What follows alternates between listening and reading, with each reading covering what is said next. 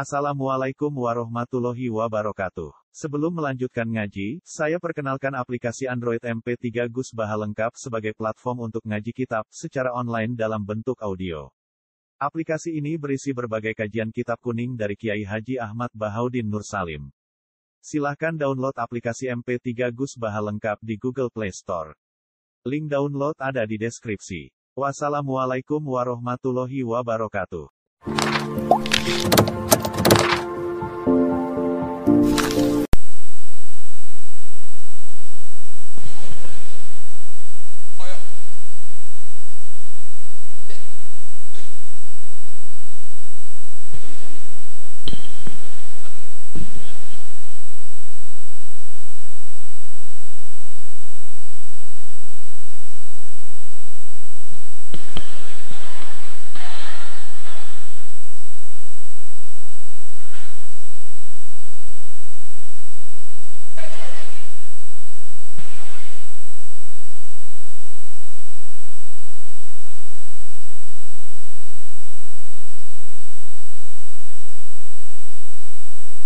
Sebelum Al-Mukarram K. Haji Ahmad Bahauddin Nur Salim memulai ceramahnya kami mohon untuk para hadirin hadirat yang berada di kursi depan untuk duduk kembali ke posisinya semula mengingat jamaah yang ada di belakang tidak bisa melihat langsung kepada Kiai Haji Ahmad Bahauddin. Sekali lagi kami mohon untuk bisa duduk dengan tenang di kursinya masing-masing. Terima kasih.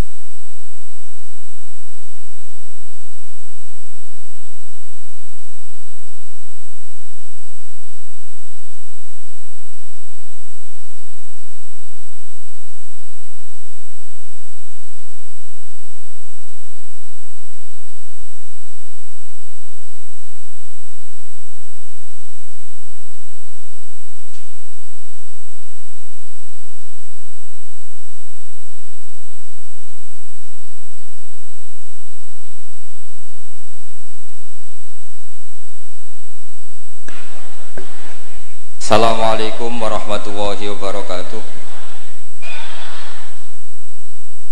Bismillahirrahmanirrahim. Tabarakalladzi nazzala al-furqana ala 'abdihi liyakuna lil 'alamin nadhira Allahumma salli wa sallim ala sayyidina Maulana Muhammadin wa ala alihi wa sahbihi asmain nama ba'du. Engkang sangat kula hormati Kiai Mahfud, Kiai Robah, Kiai Afif sedanten putra-putranipun keluarga Mbah Maksum Kiai Syekhon sedanten guru-guru punya ingkang kula hormati. Eh kula niki basa Jawa napa basa Indonesia? Jawa mawon nggih. Eh kula badhe matur tentang sanat ya terus eh, termasuk khususiyatu hadil ummah termasuk kekhasan umat ini adalah punya sanat mutasil punya silsilah punya mata rantai keguruan Rasulullah Shallallahu Alaihi Wasallam. Saya berkali-kali matur saya mungkin tanggal sedoso ya, tanggal 10 November kalau teng Termas. Di Termas di keluarga besar Kiai Mahfud kita tahu Mbak Maksum ini pernah ngaji sama Mbak Fakih Mas tadi kalau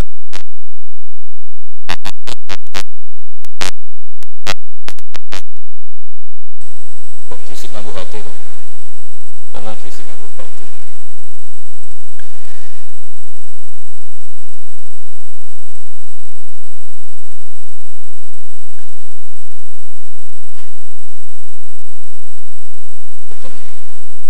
kalau terusakan ya terus min khoso isi hadil ummah atau termasuk khususiatu hadil ummah adalah sanat keguruan. Sing sanat keguruan niki mutasil ila Rasulillah sallallahu alaihi itu saya tidak akan bosan-bosan nyampaikan itu. Itu boten sifatu madhin tapi sifatu roddin bukan madh bukan muji podo karo muni Gus Bahak itu yora ya maling, yora ya bajingan, yora ya yora lucu. Dan Nabi Ibrahim mau digelari pangeran yora Yahudi, yora nopo Nasrani. Itu memang benar-benar aneh. Kenapa itu terjadi? Karena ada zuriyah Nabi Ibrahim yang bernama Yahuda, ini Yahuda bin Yakub bin Ishak bin Ibrahim. Kemudian Yahuda ini menjadi satu intensitas, satu entitas atau satu komunitas atau bahkan satu agama yang akhirnya dikenal oleh Yahudi ya. Berhubung anak putune Yahudi wong bayang no Ibrahim nggih napa? Yahudi. Karena Ibrahim itu manggon teng kawasan Bethlehem teng Hebron dan di situ sekarang jadi komunitas Nasrani. Orang juga menganggap Ibrahim itu napa? Nasrani sehingga Allah ngutus makhluk terbaiknya, nabi terbaiknya gini ku Nabi Muhammad Shallallahu Alaihi Wasallam. Terus Nabi Muhammad niki sing ngelurusno nak Ibrahim itu buatan Yahudi, gak buatan apa? Nasrani. Dan Nabi Muhammad mati-matian berjuang membawa tauhid dan tauhid itu di atas namakan millata abikum Ibrahim. Terus niki mungkin terus perhatian sesarengan. Artinya gini, orang yang sudah meninggal niku sudah nggak bisa apa-apa. Berarti nah. Monggo Pak Marzuki.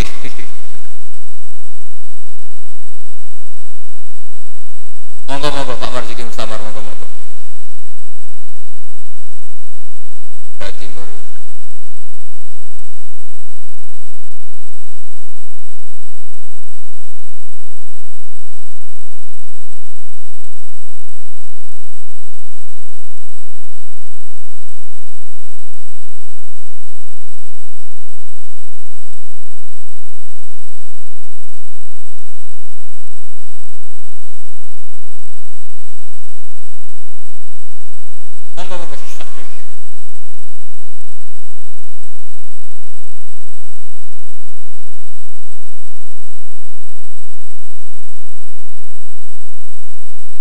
pun kula terusaken nggih.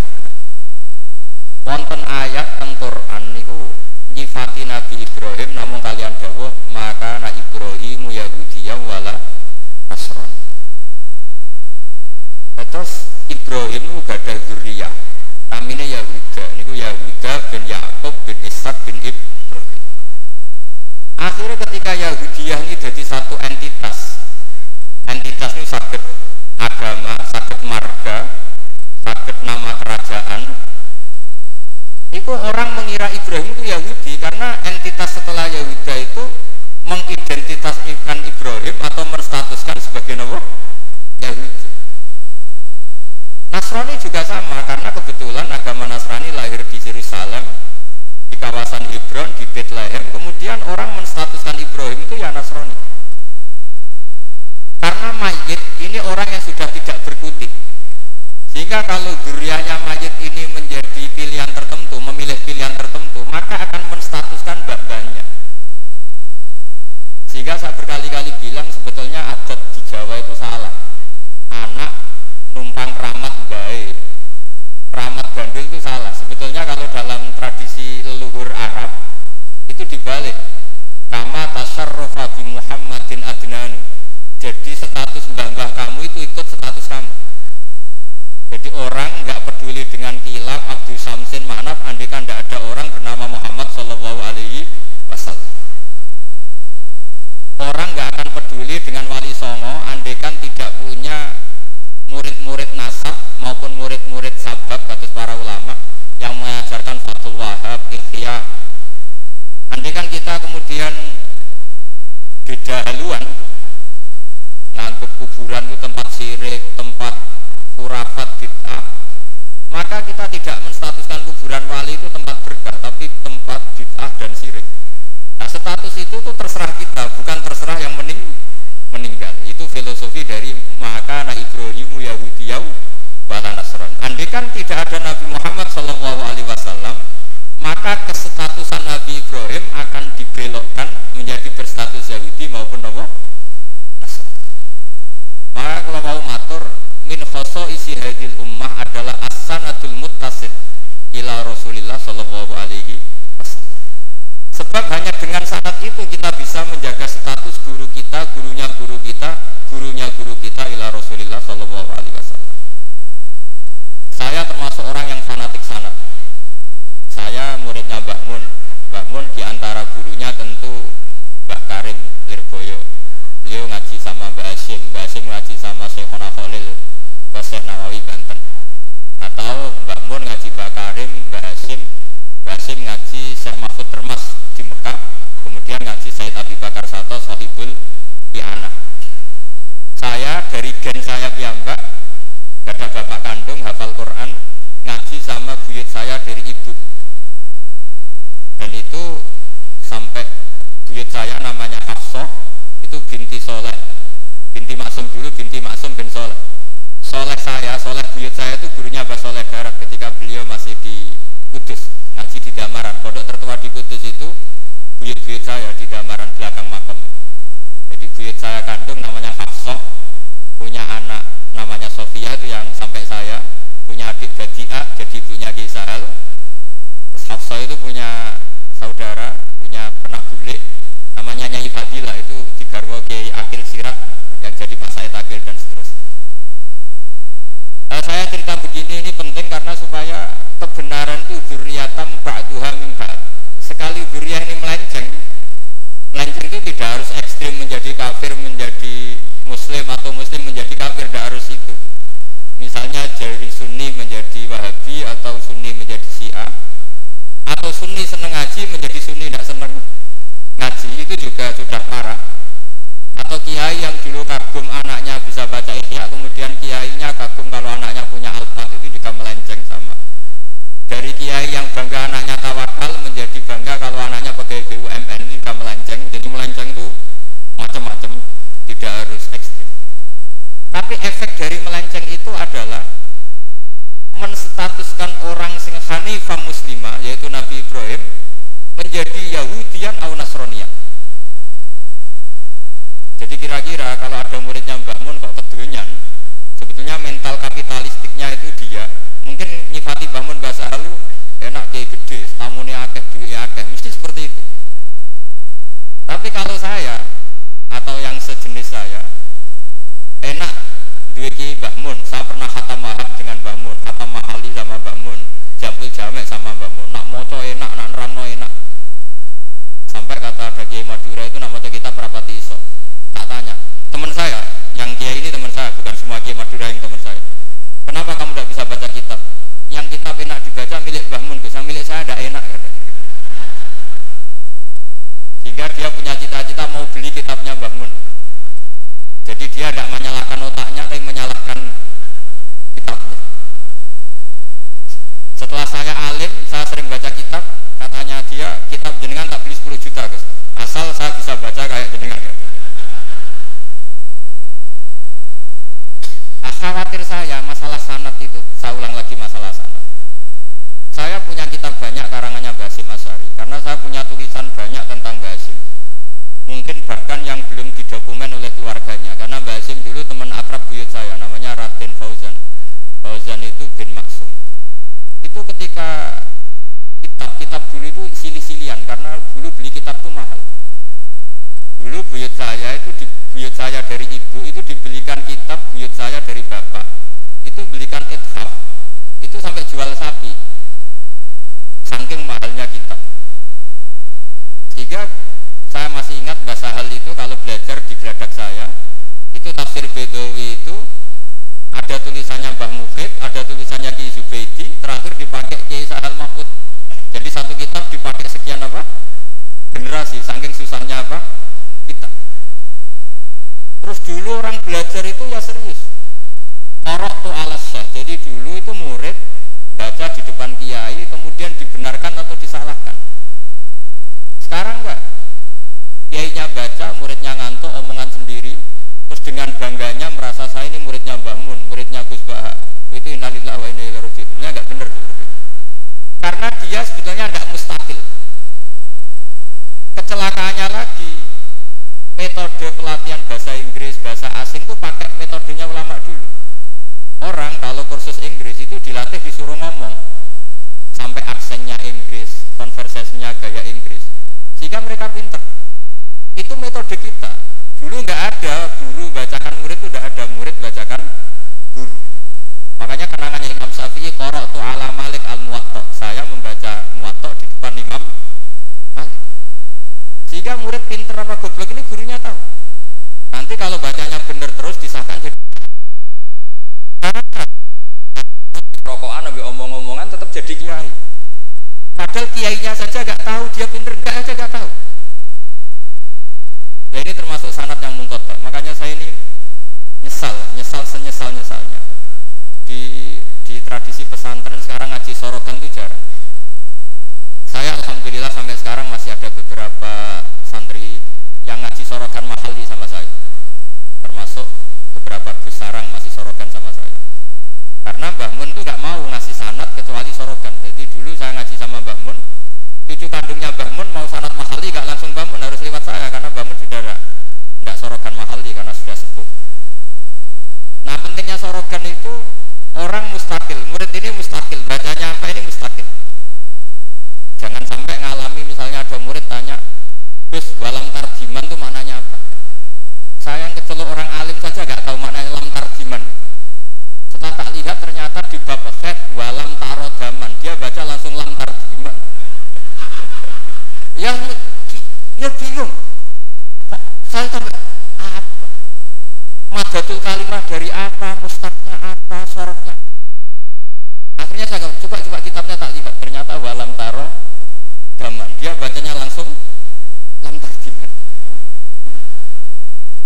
itu itu banyak sekali. Nah makanya saya mohon di, di dukun ini orang-orang yang alim atau ustadz alim itu harus tetap ada tradisi ngaji sorokan terutama bagi khiyaru ahli orang-orang pilihan dulu sahabat ngaji Rasulullah Quran itu ya sahabat yang baca Dulu saya ngaji Quran, setor Quran min awali hatta akhiri ya saya yang baca. Beberapa kali saya baca kitab di depan Mbah Mun, di depan Gus-Gus, di depan kiai-kiai saya.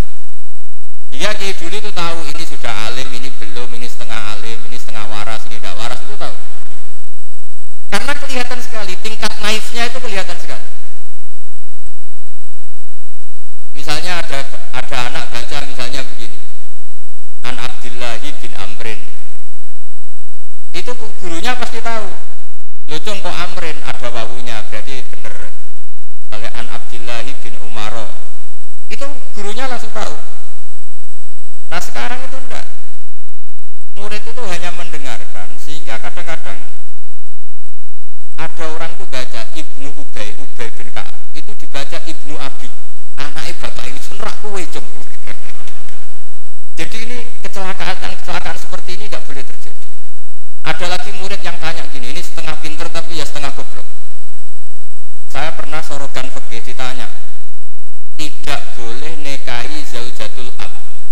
Ulang lagi ya. Wala tangkihu manakaha hukum minan nisa ila salah. Tidak boleh menikahi istrinya bapak. Itu orang Jawa langsung protes, Gus, bujuni bapak ra ibuku. Itu setengah pinter setengah goblok setengah pinter karena di Jawa rata-rata orang itu istrinya satu artinya kalau bojone bapak ya mesti ibunya dia tapi kalau dibaca di Arab wong Arab itu kan bojone papat sing telu gonta ganti sehingga bapaknya ini kadang pernah nikah sampai 10 oh, orang. Paham ya? Orang Arab. Mungkin orang Jawa Timur ya rodo Arab. Banyak kiai yang istrinya ada satu kan. Nah sebetulnya orang Jawa Timur yang paling tidak eskal karena tahu lagi ya. Sehingga dia tanya Gus bojone bapak ora ibu. Mosok wong kok dilarang kawin bojone bapak. Ya mesti wae bakal wong bojone bapak iku ibu. Dia protes, kenapa harus di dilarang wong karuan nggak mungkin terjadi. Saat terang. Kalau orang Arab kan mungkin, yaitu bojone bapak satu ibu kamu, dua Sri, terus Wahyuni atau siapa. Ini per, orang yang pernah dinikahi bapak kamu itu haram kamu. Nah berhubung dia orang Jawa, bojone bapak itu mesti ibu karena ibu istrinya Nah itu setengah pinter setengah goblok. Setengah pinternya bisa bantah, agak cerdas lah, bisa usul gitu. Setengah gobloknya itu sebetulnya ketika dengan ibunya itu bahasa Arabnya bukan zaujatul ab tapi ummuka. Kamu tidak boleh menikahi ummuka. Jadi bukan dimasukkan zaujatu adik. Jadi kalau dalam baca fikih itu status yang dipakai status terdekat. Jadi misalnya saya menghukumi ibu saya ya ummi itu ibu saya. Tapi ketika istrinya bapak yang lain harus distatuskan zaujatu adika. Itu tidak bisa kalau orang nggak sorogan itu tidak bisa. Nah kalau orang-orang NU, orang-orang pesantren saja sudah ada alim, apalagi yang di luar kita. Karena tadi sanat ini sudah mulai mengkota, ini sudah agak kecelakaan betul. Dulu Imam Malik tuh ngaji di depan Imam apa Imam Malik ngaji di depan Imam Zuhri, ya sorogan. Imam Syafi'i ngaji di depan Imam Malik, baca muatok, hatam benar semua. Terus Tot ana laka antuftia, ana itu sudah saatnya kamu iftah. Karena baca min awali kata akhiri benar semua. Masih ngaji sama Sufyan bin Uyainah, masih ngaji sama Sufyan As-Sawri. Terakhir beliau ngaji sama Muhammad bin Hasan As-Syaibani di Irak. Itu semuanya yang baca Imam Syafi'i, sah logikanya. Terakhir dites begini Imam Syafi'i, sama sih. Saya termasuk sering baca kitab Risalatus Syafi'i saya sering, sering baca kitab Om, sering baca kitab Risalatus Syafi'i. Itu dites begini. Kata Sufyan As-Sauri, ya Aba Abdillah kalau manggil Syafi'i itu Aba Abdillah, ma makna hadisi la tuharrikut tayron min makin natiha. Gurunya yang satu tidak baca makin natiha tapi min wakanati. Jangan gerakkan burung dari sangkarnya kalau sampai yang gede itu jawab ini kurang penggawean apa ngubrak-ngubrak manuk kan gitu. Tapi Imam Syafi'i dengan fasenya menerangkan orang Arab itu kalau mau pergi itu tatoyur. Tatoyur itu pakai ukuran terbangnya burung. Nah digusah terbang ke kanan ila aimana berarti alamat bah baik. Kalau berterbang asama atau kaisaro berarti buruk. Itu kalau ada burung di hutan terus digusah kalau nggak ada burung di hutan dia memang nyimpan burung diletakkan di kurungan tapi kurungannya dibuka terus diubrak. Nak terbangnya nganan baik kalau ke kiri buruk. Makanya disebut di Quran innama ta'irukum ma'akum inna tatoyarna bikum. Karena yang dipakai ukuran itu to'ir. To'ir itu sesuatu yang terbang. Itu Imam Syafi'i langsung paham. Adatul Arab kalau mau pergi itu melihat terbangnya burung sehingga makna hadis la tusarriku min makin natiha jangan mentaklekkan barokah tidaknya pergi berdasar terbangnya burung tapi berdasar pergi kamu itu fito akillah atau fima siat nangis gurunya padahal masih Imam Syafi'i umur 15 tahun. Wong kok pinter ngono makanya terus sampai dipuji-puji. Saya punya keyakinan kalau nanti fatah min Quraisy yang lauti bakal arti ilman tuh kamu Padahal teknya hadis hanya gitu, jangan gerakkan burung dari sang.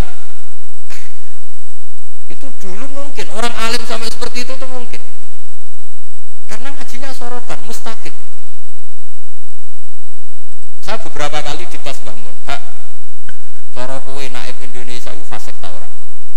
Orang dijawab fasek ya rotok fasek untuk mel-melan terus. Nah dijawab fasek podo karo ngukumi nikahe wong sak Indonesia gak sah mergo waline napa Nah, kalau kalau pengalaman karena kalau sering ngaji sama Mbah mun pengalaman. Jenengan ra kepengin nek wong sak Indonesia sah. Iya, aku kepengin sah. Nah, tak hukumi boten fasik. Itu Mbah mun saya sampai diambung itu dia bilang gitu.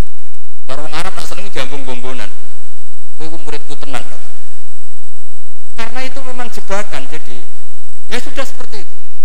Itu mungkin kalau ngaji sorokan. Tapi ngaji kilatan ya mau nyenggak isolawat tok. Selalu, selalu. Oh, semata uang tenan.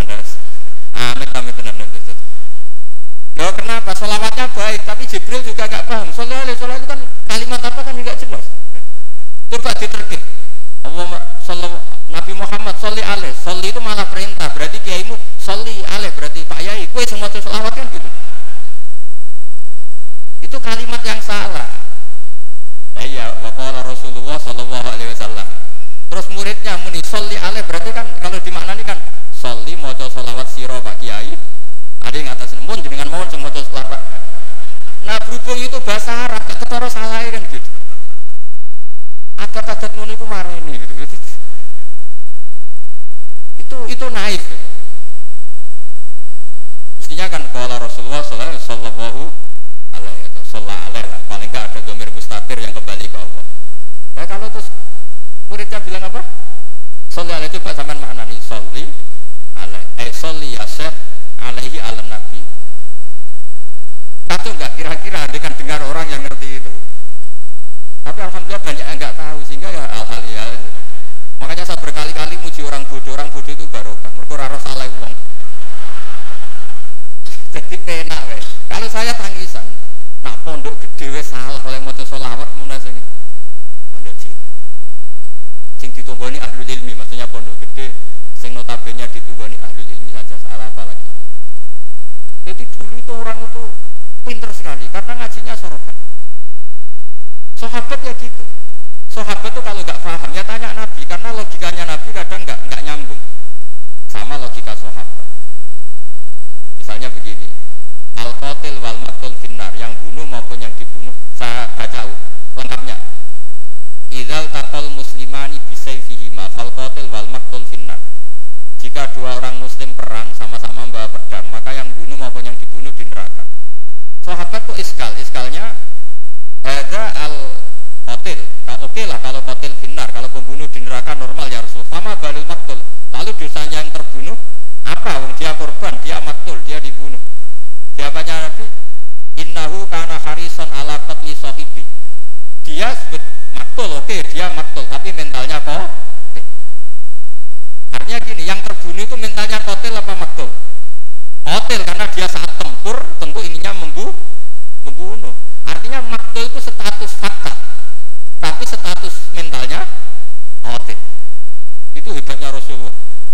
Ya ketika ada orang sama-sama bawa pedang duel, itu mentalnya semuanya otit.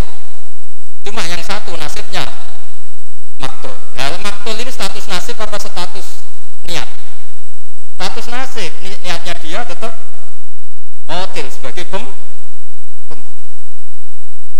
jadi segampang itu Rasulullah menjelaskan karena tadi ada sorotan. Jika Nabi sedang ngaji sama sahabat, aro'ai takum hadi, aro'ai takaga, aro'ai tukum. Nah, ini terakhir, eh, dia saya terakhir tak terangkan. Nah, sehingga Quran, ini kembali ke sesuatu yang saya tekuni. Sehingga Quran itu mengajak orang itu berdialek dan sering ada kata aruni, kul aro'aitum Kenapa demikian? Karena nggak boleh orang itu menerima ilmu itu karena dicekoki guru. Dia harus bisa berpikir sendiri. Jika Allah kalau ngendikan nggak apa-apa selain saya sebagai Tuhan nggak apa-apa kata Allah. Kamu bilang Yesus Tuhan nggak apa-apa, Fir'aun Tuhan nggak apa-apa. Tapi kata Allah, aruni mada minal arti. Tapi tolong tunjukkan ke saya prestasinya Fir'aun apa? Ketika saya bikin langit dia ikut menciptakan langit? Apa ketika saya bikin bumi dia ikut menciptakan bumi? aruni mata khalaku minal ardi am lahum besar sehingga orang terus mikir kalau Fir'aun Tuhan, Yesus Tuhan atau siapa saja yang selain Allah dianggap Tuhan lahirnya di mana? oh Yesus lahir di bumi bagaimana mungkin lahirnya di bumi tahu-tahu menuhani bumi Fir'aun ketika merasa Tuhan Musa ditanya, Tuhan kamu siapa? Robbi samawati wal ardi yang nuhani langit dan bumi. Terus kata Fir'aun, Ya Haman ibnili sorhal la ali abluhul asbab. Sudah saya mau bikin piramida, mau lihat Tuhannya Musa. Terus soal di bumi kata Fir'aun, Ma'alim tulakum min ilahin wiri. Saya jalan-jalan ke mana-mana setahu saya, yang dituhankan saya, kata Fir'aun.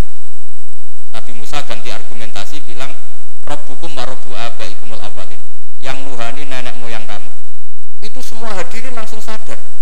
Iki nak Fir'aun pangeran buyute radi pangeran. Kan pangerannya datang terlambat. Kan Fir'aun punya bin bin bin. Wong Fir'aun itu nama gelar kayak Amung Buwono. Fir'aun satu Fir'aun dua Fir'aun tiga Fir'aun kan begitu. Makanya zaman Nabi Yusuf itu rajanya juga namanya sudah Fir'aun. Zaman Nabi Musa juga Fir'aun karena itu gelar. Artinya begini. Kalau Fir'aun itu Tuhan berarti mbah banyak tanpa Tuhan karena Tuhannya datang terlambat. Itu dilatih. Sehingga Quran itu sering ngendikan aruni aroaitum. Aroait itu diulang-ulang.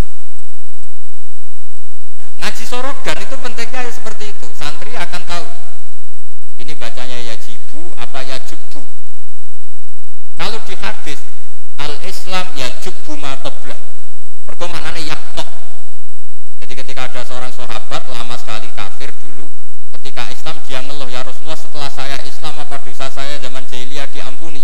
Terus Nabi ngendikan al Islamu ya jubu matoblah itu bacanya bukan ya jibu tapi apa? Ya jubu ayak tau ya kalau pas ini kamu baca ya jibuan al Islamu te Islam ya jibu pusing kamu. Itu kalau gak sorokan gak bisa jadi saya mohonlah sanat ini nggak boleh hilang. Karena yang punya khazanah kealiman itu kita. Kita itu maksudnya pesantren. Kalau kita saja tidak alim apalagi di luaran kita. Ini bukan urusan sudon atau menstigmasi enggak. Yang menyediakan itu kita. Di luar kita malah pakai terjemah pakai paling KHI kompilasi hukum Islam. Yang masih pakai teks Ikhya Fatul Wahab itu kita. Karena Fatul Wahab Ikhya is dikerdusi nganti sawangan. Ya ini dia mau terjemahan. Ngaji ini ngambil laptop amen ngincang-ngincang perkara terjemah sinalillah wa itu itu bukan apa sebenarnya orang gak alim itu tidak apa-apa ada dosa. Tapi kan masalahnya segera alim gak ya gayanya gak orang alim. Itu ini masalah kan itu. Orang aku bodoh kan jurah gelem gitu. dulu itu tidak seperti itu. Sehingga Nabi Ismail misalnya Ibrahim itu Nabi. Nabi itu diperintah Allah mesti benarnya. Ini arofil manami anni atbahuka. Saya bermimpi mimpi ambia adalah wahyu bahwa saya disuruh nyembelih kamu. Apa kata Nabi Ibrahim? Fangdur madataro lalu menurut pendapat kamu gimana? Karena mulai dulu enggak jadi tradisi di kampus dua arah. Mahasiswa disuruh mikir disuruh cerdas itu dulu kita sebelum ada kampus para nabi sudah punya tradisi murid itu mustaqil bil fikr murid bisa mikir sendiri Fangdur mata taro. Menurut pendapat kamu gimana Ismail? Supaya apa kalau Ismail betul-betul nanti disembelih itu dia tidak hanya nurut Nabi Ibrahim tapi memahami jika dapat ganjaran dua kali nurut bapak ya nurut pangeran atau nurut pangeran ya nurut bapak Fangdur mata taro. Kola ya abatif almatu jadi tidak mentang-mentang Ismail aku dikongkon pangeran nyembelih kue ayo nang tak sembelih boleh bantah nurut Gak ada seperti itu. Itu lagi-lagi yang ada itu di ngaji sorogan. Nah, kemudian saya sekarang cerita masalah sorogan. Saya e, beberapa kali punya kenangan Mbak Mun karangan terakhir beliau Alulama Al Mujaddidin. Tiap ketemu mesti disuruh baca itu. Sampai saya pas haji sama beliau ya baca itu di Tujami Bari Rasulillah. Ketika saya di sarang tiap syawal ya baca kitab itu untuk murid-muridnya identik dengan saya karena saya sering bahkan di kitab saya paling banyak oret-oretan tulisan tangannya Mbah Mun karena beliau tahu kalau saya menekuni kitab itu jika beliau senang sekali. Termasuk begini pertanyaan saya. Menurut Imam Syafi'i zakat zuro itu kan hanya yang mutlak kayak makanan pokok lah kira-kira kayak padi kalau di Indonesia. Tapi Mbah Mun dulu itu sering guyon gini petani itu saate wis macul terus gegere kaya akeh wajib zakat petani cengkeh kakao suge-suge wajib zakat mergo sing ditandur mboten apa mutat atau tidak kut Oke, ngono iku terus piye? Kaya gak adil. Bangun tuh hanya hanya guyon-guyon gitu. Mulai guyon petani kaya gegere kaya akeh kaya apa gitu. Terus suatu ketika tanya saya, "Cara wajib gak?" Ya jenengan muni wajib kula muni wajib tak mboten nggih mboten wong kula murid. Terus jare pamun, ora iso kowe kudu melok nak muni wajib ya kowe dhewe aja ngelok-ngelok aku. dulu saya iskal iskal saya itu ini dia kok tak tanggung jawab atas saya gitu. dan di kitab itu ditutup dengan kalimat fa'alaman wal kudwa lihadil ummah ayyuftiya bima wal aslah lihadil ummah jadi orang menjadi panutan umat harus berfatwa sesuai al aslah lihadil ummah. Saya masih tanya lagi al kudwa lihadil ummah itu jenengan?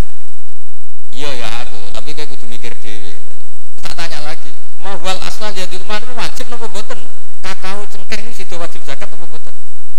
Yo karek kue nah dulu saya iskal sampai malam mau haji itu saya masih ditimbalin masih masih diskusi kitab itu.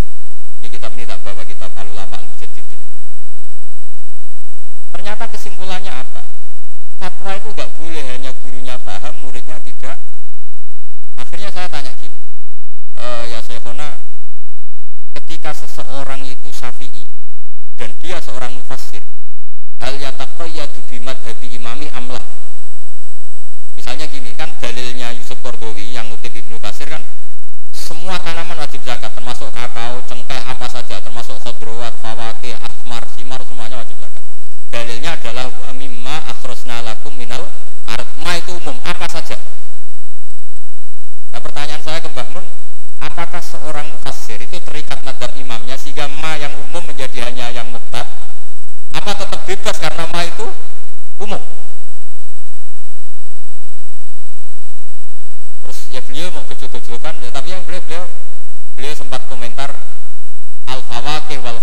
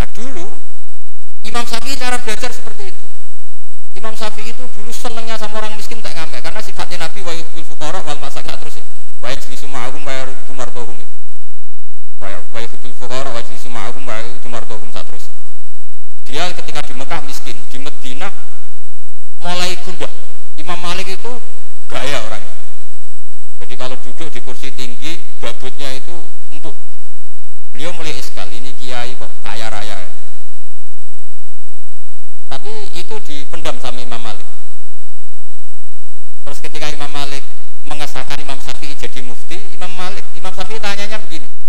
Setelah jenengan orang yang alimnya kayak jenengan itu siapa? Dari dari Imam Malik. Sakjane Abu Hanifah, tapi orangnya mati, orangnya sudah meninggal. Mungkin beliau juga bilang mati karena selevel. Mungkin kalau kita harus bilang kabudut bahasanya memang mata bukan tufiyah lalu siapa yang alimnya kayak Abu Hanifah? Muridnya masih hidup namanya Muhammad bin Hasan. Nah bisa ke sana boleh dari Imam Malik. Imam Malik itu kaya uangnya banyak tapi beliau rumahnya ngontrak. Jadi kiai mulai dulu lebih seneng uang cash daripada apa? Sawah tegal karena nggak bisa sodakon akhirnya Imam Malik gandeng Imam Syafi'i dijak ke Baki. Dulu Baki itu pasar pasar kafilah rental lonta gitu. mana kafilah yang mau ke Irak? Oh saya ya Imam Malik.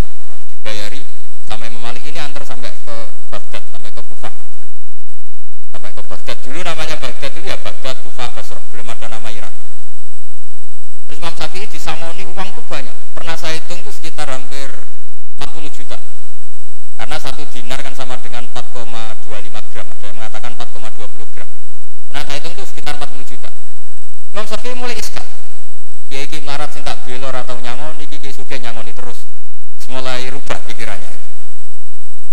Ternyata ki suge itu manfaat gitu dulu dia pengagum ki melarat karena zuhud bebas hisap jadi hisap apa nih orang dipopokan itu terus bareng ngaji di Irak di Baghdad itu di Kufah karena dulu itu satu kawasan perlu saya sampaikan. Jadi dulu Kufah itu bukan nama kayak sekarang, Baghdad Iran. Jadi saya beri contoh sedikit ya perubahan bahasa. Dulu yang namanya Israel itu kalimat madhid. Karena Israel maknanya hamba Allah. Sehingga ada ayat wa anni fadlutukum alal alamin dari Israel. Sekarang enggak, Israel sekarang itu nama nation, sebuah negara. Di situ ada Zionis, ada turunan Eropa, turunan Amerika yang jahatnya minta ampun sama Palestina. Sehingga Israel yang ini bukan wa anni fadlutukum alal alamin. Jadi itu perubahan bahasa. Dulu yang namanya makruh itu fakal haram. Itu yang disebut Allah walakin Allah habbaba ilaikumul iman wa zayyanahu fi qulubikum wa karraha ilaikumul kufra wal fusuqa wal isyan. Jadi kalau dulu Imam Syafi'i ngendikan akrohu kaza, nih ukharrimu kaza asad tahrim. Karena akrohu maknanya itu fakal haram. Tapi sekarang di definisi fikih makruh itu dunal haram, kayak rokok itu namanya makruh. Jadi kalau bahasa dulu kamu maknani sekarang, kafir itu makruh kalau bahasa dulu. Dia hukumnya kafir, makruh. Hukumnya syirik, makruh. Karena maknanya makruh itu diben, dibenci. Tapi tahu-tahu ada istilah modern makruh itu dunal haram, sesuatu di bawah haram namanya apa? Itu kamu nggak boleh terjebak bahasa itu. Dulu namanya kufah itu satu entitas. Jika Ibn Abbas pernah nasihati Said Hussein, al kufah latafi, wong kufah itu rata jujur. Karbala juga gitu, dulu satu entitas. Makanya Said Hussein intikan ini daerah mana? Karbala, ini Karobun Babala. Nah sekarang terjadi satu nama Dulu Mesir itu gubernuran dipimpin Sayyidina Umar dari Medina. Mesir itu provinsi, Syria juga apa? Provinsi, semuanya provinsi. Sekarang jadi negara. Saya teruskan. Ketika ngaji di Muhammad bin Hasan Asyibani itu pas beliau di ruang tamu itu ngitung lantaan emas. Jadi emas itu lantaan banyak. Dari satu peti dipindah ke peti lain. Terus sekarang mungkin kiai ngitung dolar. Dolarnya banyak, jadi kesunatan kiai kalau ngitung uang itu saya di ruang tamu. Kalau ada santrinya. Dan santri ini rakyat pikiran nyalami template. Gara-gara kiai ini duit akeh bebem melarat itu gak tak kepikiran santri ini nyangoni kan. Itu Muhammad bin Hasan Asyibani kalau ngitung uang itu di ruang tamu. Banyak lagi emas lantaan. Imam Syafi'i tambah iskal. Ini kiai kok malah Imam Malik itu tak anggap keduanya ini malah parah. Tapi setelah Imam Syafi'i iskal, Imam Muhammad bin Hasan Asyibani itu ngajib min hadi maksudnya min hadil waqi'ah. Kamu uh, kaget dengan peristiwa ini? Iya kamu kiai kok kaya raya kata Imam Muhammad bin Hasan Asyibani harta ini milik saya miliknya orang soleh miliknya orang alim. Nah aku rasa seneng wong alim suka tak kayak nih wong wong nakal binti gue ngelonte tinggu demenan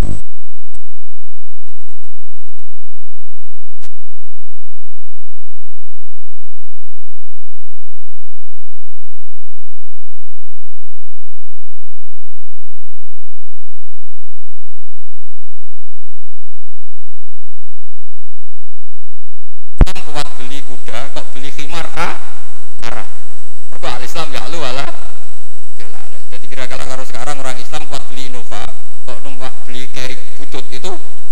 Haram karena dillah itu kehinaan. Semenjak itu Imam Syafi'i itu pinter. Pinter dia. Iya.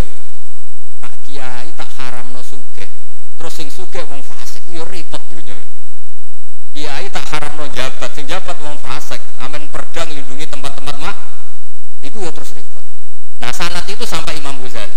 Termasuk yang tak baca kak saya ketika bela bangun al intisor lima dari nah itu saya bela di antara adalah ulama harus punya pangkat supaya otoritas itu dimiliki orang so soleh. Terus wa amal isi wal jafa bihi ma insan anafsi adil terusnya. Ada yang baca fabihi kalau fabihi itu mirnya mufrad semenjak itu kakak saya pernah wakil bupati. Eropa pernah bupati. Gus Yasin Putra Bangun wakil gubernur. Itu panjang sangat pemikiran seperti itu tuh panjang. Kalau kiai tidak boleh jabat ya biar yang jabat orang fasik. Nanti perdanya menguntungkan alul fiski dan seterusnya dan dan itu lama dulu bisa menerangkan dan memahamkan pada murid-muridnya. Karena ngajinya soro sekarang enggak ngaji ya kayak seperti ini makanya saya diundang itu termasuk kiai paling sulit diundang. Wis masyur andai kan kiai Roba tidak datang ke saya sendiri mungkin saya tidak datang. Wis tenar yakin sekarang saya itu hanya mau datang ke pernah pernah sepuh. Ternyata pernah sepuh ya banyak jadi wah mata nongol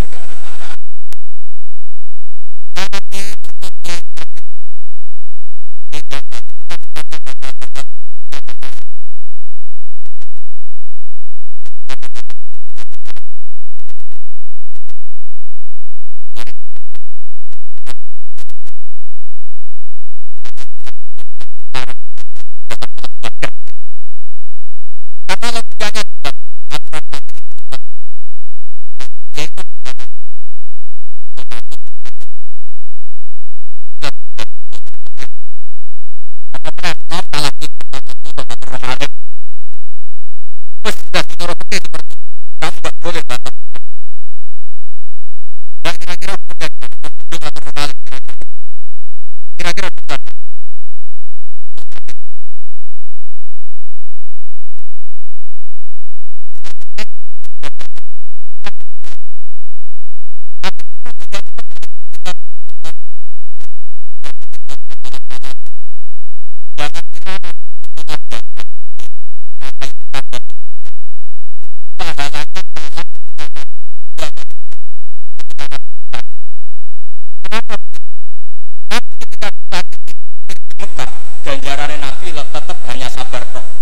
Oke, sabar itu mendapat pahala.